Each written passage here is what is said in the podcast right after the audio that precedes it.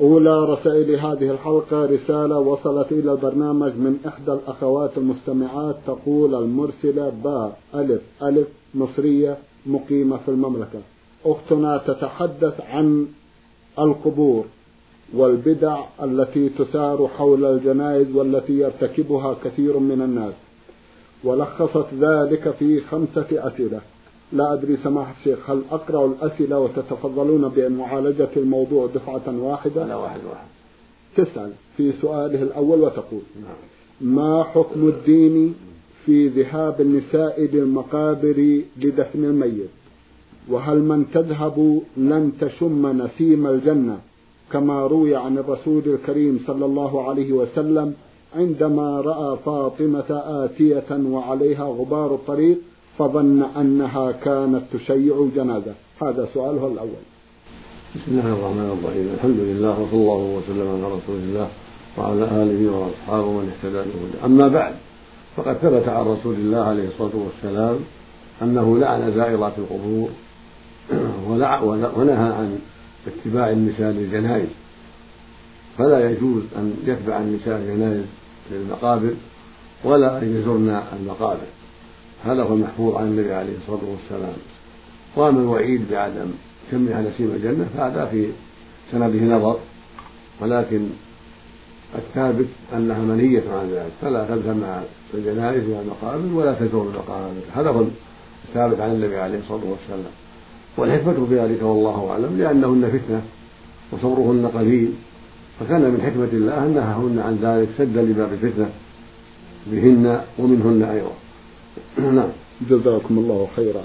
تسأل وتقول ما حكم من فعلت هذا وهي تجهل عدم الجواز إذا كان لا تعلم فلا حرج عليها وعليها أن تنتبه للمستقبل. طيب. نعم. هناك عادات تقضي بأن يذهب أهل الميت من رجال ونساء إلى قبره كل يوم خميس خلال الأسابيع الثلاثة الأولى بعد الوفاة وذلك للتصدق بالفطائر والخبز. ما حكم الإسلام في ذلك؟ أليس الأولى أن يتم التصدق على الفقراء والمحتاجين في أي مكان آخر دون الذهاب إلى المقابر خاصة بعد أن ثبت أن معظم من يتواجدون بها من الأحياء يبيعون ما يجمعونه من أهل الموتى ويتاجرون فيه؟ ليس لهذا أصل ليس لتحديد الزيارة كل أسبوع أو الصدقة عند قبور أصل فالواجب أن تكون الزيارة غير غير محددة. متى تيسر الزيارة؟ شرع أن تزار القبور من الرجال يزورها الرجال لذكر الآخرة وذكر الموت والدعاء للموتى فيقول السلام عليكم دار قومين وإنا إن شاء الله بكم لاحقون. نسأل الله لنا ولكم العافية يغفر الله لنا ولكم. هكذا كان النبي يعلم أصحابه عليه الصلاة والسلام. كان يعلمه إذا زار القبور أن يقولوا السلام عليكم أهل الديار. من المؤمنين والمسلمين وإنا إن شاء الله بكم لاحقون. نسأل الله لنا ولكم العافية.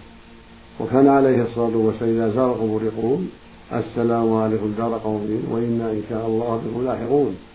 غدا مؤجلون. اللهم اغفر لأهل بقية الغرقد هكذا كان يفعل عليه الصلاة والسلام. ويقول زوروا القبور فإنا نذكركم الآخرة.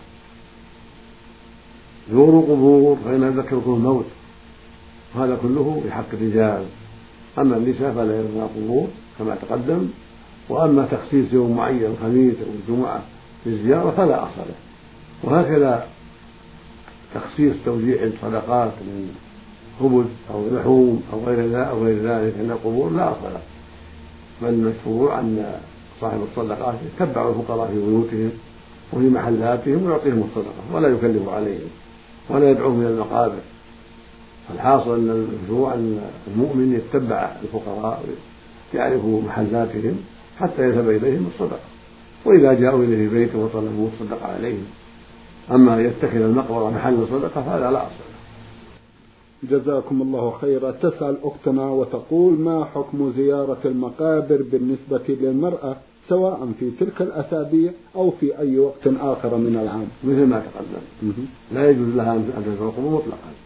لا في أول أسابيع الموت ولا في غير ذلك يقول لأنه صلى الله عليه وسلم لعن زائرات القبور فدل ذلك على أنه أنهن لا يزورن القبور مطلقا. لا حين الموت ولا بعده بأسابيع ولا بعده بأعوام نعم. ما حكم قراءة القرآن للميت بعد الدفن بعدة أيام؟ هل يستفيد منها خاصة قراءة سورة ياسين وتبارك وقل هو الله أحد؟ أم أن الدعاء له أن يرحمه ويغفر له ربه أنفع؟ وما الذي ورد عن الرسول الكريم صلى الله عليه وسلم في ذلك؟ الذي ورد هو الدعاء للموتى والترحم عليه أما أن يقرأ لهم القرآن عند القبور أو في, أو في مكان آخر فهذا لا نعلمه أصلا. وإن كان قاله بعض أهل العلم واستحبه بعض أهل العلم وقال إنه يلحق الميت وينفعه لكن ليس عليه دليل. فالذي ينبغي أن تكون أن يكون الإحسان الميت بالدعاء والصدقة له سواء الحج عنه والعمرة عنه وقضاء دينه. هذا هو الذي ينفعه هذا هو الذي جاء في الأحاديث الصحيحة. صدقة عن الميت الدعاء بالمغفرة والرحمة قضاء دينه الحج عنه العمرة عنه هذا هو المحفوظ. أما يقرأ عنه أو يقرأ له سورة ياسين أو تبارك في أي مكان أو عند قبور هذا لا أصل ولا ينبغي وليس بمشروع وإنما تشرع قراءة ياسين عند المحتضر قبل أن يموت. نعم. ينتفع بذلك. وليوعظ ويذكر ويقرأ عنده القرآن هذا ينفعه قبل أن يموت. نعم. أما بعد الموت فقد انتهى الأمر. ومما قد يقع من بعض الناس أن بعض الناس يقرأ في القبر إذا حفر القبر جعل يقرأ فيه. وبعضهم يؤذن فيه ويقيم هذا كله بدعة لا أصل له. لا أذان في القبر ولا إقامة في القبر ولا قراءة في القبر. كل هذا مما أحدثه الناس. والله المستعان. الله المستعان. جزاكم الله خيرا. نعود إلى رسالة الأخ محمود أحمد الدوسة من العراق بغداد الزعفرانية. أخونا بعث بأسئلة كثيرة إلى هذا البرنامج وقد عرضنا جزءا كبيرا من أسئلته وها نحن أيضا نعرض بعضا منها في هذه الحلقة. فيسأل ويقول جاء في بعض الأحاديث أن رسول الله صلى الله عليه وسلم نهى عن عمل كذا من الأعمال. فهل النهي هو التحريم أو أن النهي يعني الكراهية؟ هذا هو الأصل. الأصل النهي للتحريم. يقول النبي صلى الله عليه وسلم في الحديث الصحيح ما نهيتكم ما نهيتكم عنه فاجتنبوه وما أمرتكم به فأتوا منه ما استطعتم. هكذا قال صلى الله عليه وسلم. إنما هلك من كان قبلكم. بكثرة مسائلهم واختلافهم على أنبيائهم. فما نهيتكم عنه فاجتنبوه وما أمرتكم به فأتوا منه ما استطعتم. فالأصل في النهي هو التحريم هذا هو الأصل. ولا ينقل عن التحريم إلى الكراهة إلا بدليل يدل على ذلك. فإذا نهى عن شيء ثم فعله دل على أن نهي للكراهة. مثل ما نهى عن الشرب قائما ثم شرب قائما في بعض الأحيان دل على أنه ليس للتحريم وأن الشرب قائدا وقائما ولكنه إذا شرب قائلا يكون أفضل وأحسن. مثل ما نهى عن مثل ما أمر بالقيام بالجنازة قال إذا رأيتم الجنازة إذا رأيتم الجنازة الجنازة فقوموا. ثم جلس في بعض الأحيان. دل على أن الأمر ليس للوجوب في هذه الحال. القاعدة أنه متى نهى عن شيء ثم فعله دل على أن النهي ليس للتحريم بل للكراهة وترك أولى وإذا أمر بشيء ثم تركه دل على أنه ليس للوجوب. وإلا في القاعدة أن الأوامر للوجوب والنهي للتحريم هذا هو القاعدة. نعم. جزاكم الله خيرا. سمعت حديثا يحرم المرور بين يدي المصلي فكم هي المسافة التي يحرم فيها المرور بين يدي المصلي المصلي إذا لم يضع أمامه شيئا؟ يقول النبي صلى الله عليه وسلم لو لو يعلم المار بين يدي المصلي ماذا عليه؟ يعني من الإثم لكان أن يقف أربعين خير خيرا له من من أن يمر بين يدي المصلي. متفق عليه. قال الراوي أبو هريرة رضي الله عنه لا أربع لا أدري قال أربعين يوما أو شهرا أو سنة. والمقصود أن هذا يدل على تعليم ذلك وأن فيه خطرا عظيما. إذا كان وقوفه أربعين ولو يوما خيرا له من أن يمر بين يديه هذا يدل على أنه أمر خطير لا يجوز. وأرجح ما قيل في ذلك أن الحد لا يذرع إذا كان مال سترة إذا كان وراء فلا يذرع فلا حرج. أو كان وراء السترة فلا حرج. أما إن كان بينه وبين السترة هذا لا يجوز. أو كان قريبا منه في أقل كان يذرع هذا لا يجوز. والأصل في هذا أنه صلى الله عليه وسلم لما صلى في الكعبة جعل بينه وبين جدار الكعبة الغربي ثلاثة أذرع قالوا هذا يدل على أن أن هذا المقدار هو الذي يعتبر بين يدي المصلي. فإذا كان بعيدا من هذا المقدار من قدم المصلي فإنه لا يعتبر مارا بين يديه. هذا هو الأرجح. جزاكم الله خيرا. كيف تنصحون من وقع على بعض ملابسه نجاسة والبعض الآخر لم يقع عليه شيء؟ هل يغسلهما جميعا أم يغسل كل جزء على حدة؟ يغسل موضع النجاسة فقط. إذا أصاب ثوبه نجاسة غسل موضعها مثل قطرة بول على طرف ثوبه يغسل ما أصابه. نعم. أو قطرة دم أصاب المرأة من حيضها أو غيره تغسل محل القطرة وباقي الثوب طاهر. أيوة. المقصود أنه يغسل ما أصاب الثوب من بول أو غيره من النجاسة. وباقي الثوب طاهر ليس فيه شيء. جزاكم الله خيرا. نعم. ولو غسل النجس مع غير النجس هل في ذلك محظور؟ لكن لا يكون للوسواس. طيب. إذا كان من طريق الوسوسة لا أما إذا كان من باب النظافة نعم. يعني وسخ نعم. وأراد يغسله كله فلا بأس. جزاك أما التكلف أيوه. والوساوس كما يفعل بعض الناس يغسل الثوب كله من أجل الوسوسة لا ما ينبغي هذا. يغسل ما الثوب فقط. جزاكم الله خيرا. سنعود إلى بقية أسئلة الشيخ محمود في حلقات قادمة إن شاء الله تعالى لنفسح المجال أمام أسئلة أخرى ورسائل أخرى. هناك مسألة تفضل. سأل عنها جماعة وهي أن بعض الأئمة في التراويح يصلون أربعا جميعا من غير فصل أيوة. ويحتجون بحديث عائشة رضي الله عنها أنها قالت كان النبي صلى الله عليه وسلم يصلي أربعا من في الليل. فلا تسأل عن حسنهن وطولهن ثم يصلي أربعا فلا تسأل عن حسنهن وطولهن ظنوا أن الأربع هذه أنها بسلام واحد. فصار بعضهم التراويح يصلي أربعا بسلام واحد. وهذا غلط. مكروه. أقل أحواله الكراهة لأنه عليه الصلاة والسلام قال صلاة الليل مثنى مثنى. طيب. وهذا خبر معناه الأمر. معناه صلوا مثنى مثنى. طيب. وقالت عائشة رضي الله عنها كان يصلي من الليل. كان النبي صلى الله عليه وسلم يصلي من الليل عشر ركعات. يصلي من كل سنتين ثم يوتر واحدة متفق على صحته. هذا يفسر معنى الحديث الثاني يصلي أربعا فلا تسأل مسجدين وطولهن يعني أنه يسلم, يسلم من كل سنتين لأن أحاديث يفسر بعضها بعضا. وهكذا ثبت عن حديث ابن عباس لما بات عند خالد ميمونة رأى النبي صلى الله عليه وسلم ويسلم من كل سنتين كما روت عائشة رضي الله عنها. فالحاصل أن الذي ينبغي في التراويح وغيرها صلاة الليل مثنى مثنى. لقوله صلى الله عليه وسلم صلاة الليل مثنى مثنى. وأما حديث عائشة إنه كان يصلي اربعا فلا تسأل حسنهن وطولهن ثم يصلي اربعا فلا تسأل حسنهن وطولهن هذا معناه أنه يصلي ثنتين ثنتين هذا المراد لأن حديثها يفسر بعضها. بعضا وقد قالت في الحديث الثاني انه كان يصلي بكل ثنتين مع قوله صلى الله عليه وسلم صلاة الليل مثنى مثنى هذا أمر والقول مقدم على الفعل فلو ثبت أنه صلى أربع جميعا بسلام واحد لكان دليلا على الجواز. أما الأفضل والمشروع الأكمل فهو يسلم كل بنتين عملا بالقول يقول صلاة الليل مثنى مثنى عليه الصلاة والسلام. فينبغي التنبه لهذا وأردت بهذا أن ينتبه لهذا من كان يفعله من إخواننا أئمة الصلاة.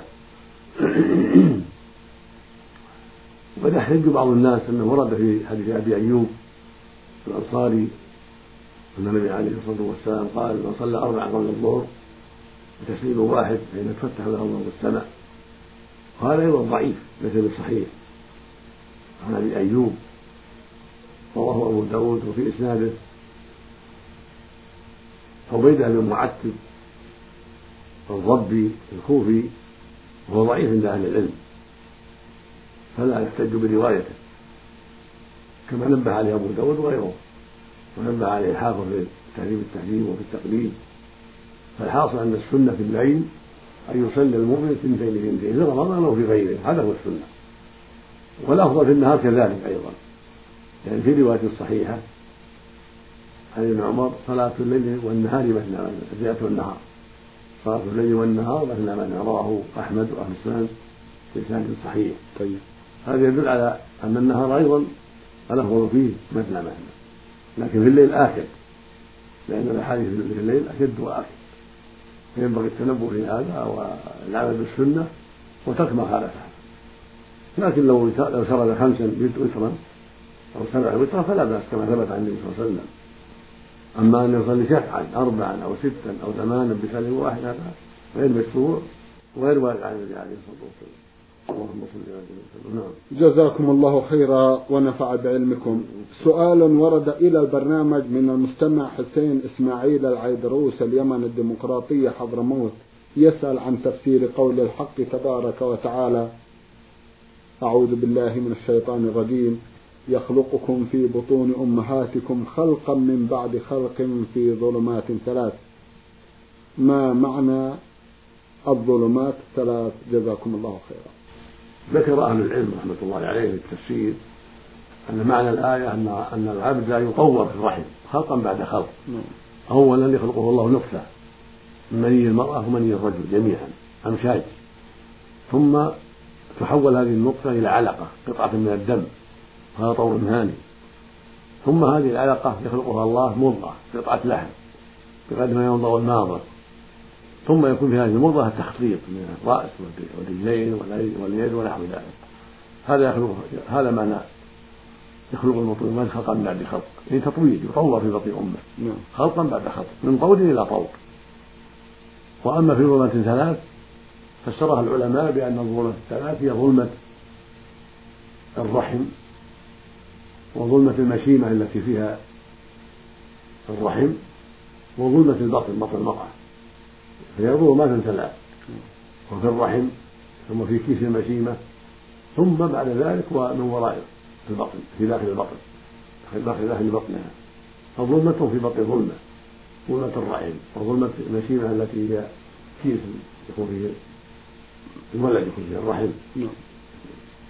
يكون فيه الولد الولد ثم الرحم ظلمة الرحم ثم ظلمة البطن والمشيمة تسقط في الغالب تسقط مع, مع الولد أو بعده.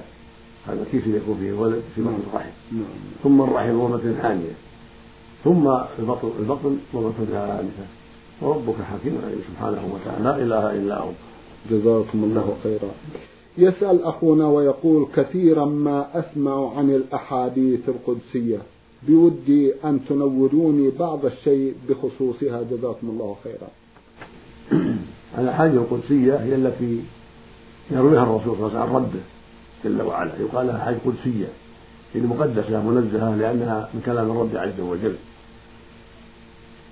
وهي مثل القرآن كلام الله جل وعلا. لكن القرآن معجزة مستمرة مأمور الناس أن يتطهروا عند لمس المصحف. وهو قرآن معجز وهو كلام الله عز وجل. وأما الأحاديث القدسية فهي كلام الله عز وجل لكن ليس لها حكم القرآن في وجوب التطهر عند مسها بل لها لون آخر. هي من كلام الرب لكن غير القرآن اللي هو المعجز المستمر للنبي عليه الصلاة والسلام. هو معجزة بالدلائل النبوة. وكلام الرب عز وجل في الحديث القدسية كلام الرب منزل غير مخلوق لكنه ليس من جنس القرآن. بل القرآن معجزة مستمرة دالة على صدق الرسول صلى الله عليه وسلم وله أحكام غير أحكام الأحاديث القدسية. والأحاديث القدسية مثل ما ثبت في الصحيح عن أبي ذر رضي الله عنه عن النبي عليه الصلاة عليه الصلاة والسلام قال يقول الله عز وجل يا عبادي إني حرمت الظلم على نفسي وجعلته بينكم محرما فلا تظالموا. يا عبادي كلكم ضال. إلا من هديته فاستهدوني أهدكم. يا عبادي كلكم عاني إلا من كسوته فاستكسوني أكسكم يا عبادي كلهم جاء كلكم جائع إلا من أطعمت فستطعموني أطعمكم يا عبادي إنكم لن تبلغوا ضري فتضروني ولن تبلغوا نحري فتنفعوني يا عبادي إنكم تخطئون بالليل والنهار قال أغفر جميعا فاستغفروا يغفر لكم. يا عبادي لو أن أولكم وآخركم وإنسكم وجنكم كانوا على أتقى قلب رجل واحد منكم ما زاد لك الملك شيئا. يا عبادي لو أن أولكم وآخركم وإنسكم وجدكم كانوا على أفجر قلب رجل واحد منكم ما نقص على الملك شيئا. يا عبادي لو أن أولكم وآخركم وإنسكم وجنكم قاموا في صعيد واحد فسألوني فأعطيت كل إنسان مسألته ما نقص مما عندي شيئا. إلا كما ينقص المخيط إذا أوكل البحر يا عبادي إنما هي أعمالكم أحصيها لكم ثم أوفيكم إياها. فمن وجد خيرا فليحمد الله. ومن وجد غير ذلك فلا يلومن نفسه خرج له مسلم صحيحه هذا الحديث العظيم سمى حديثا قدسيا. وهو دال على فوائد عظيمة من كلام الرب عز وجل. كما سمعتم ايها المستمعون هو حديث قدسي عظيم دال على تحريم الظلم ودال على افتقار العباد إلى ربهم وأنهم فقراء إليه هو المنعم عليهم الذي يهدي من شاء ويطعم من يشاء ويغني من يشاء ويفقر من يشاء. وهو سبحانه الذي يغفر الذنوب ويستر العيوب جل وعلا. وهو غني عن عباده لا يستطيع أن يضروه ولا ينفعوه وغني عنه سبحانه وتعالى. وهو جل وعلا لا تنقصه معاصيهم ولا تنفعه طاعاتهم. بل طاعاتهم لهم تنفعهم ومعاصيهم تضرهم. أما هو سبحانه فلا تنفعه طاعاتهم ولا تزيده في شيئا. كما أن معاصي الناس لا تنقصه ولا تضره سبحانه وتعالى شيئا. ثم بين سبحانه أن العباد لو اجتمعوا في صعيد واحد وسألوا ربهم كل ما يريدون من المسائل والحاجات ما نقص ذلك ما عنده شيء سبحانه وتعالى. لأن خزائنه لا يضرها شيء سبحانه وتعالى. ثم بين سبحانه أن الحاصل والخلاصة أنها أعمالهم. يحصيها الرب جل وعلا لهم ثم يوفيهم إياها. يعني أجورهم إن كانت طيبة أو أو عقابهم إن كانت سيئة. ولهذا قال فمن وجد خيرا فليحمد الله. الذي وفق لطاعته وهداه وأعانه. ومن وجد غير ذلك من وجد أعماله خبيثة توجب النار. فلا يلومن إلا نفسه لأنه فرط وأضاع وتساهل وتابع الهوى والشيطان. ولا حول ولا قوة إلا بالله. جزاكم الله خيرا.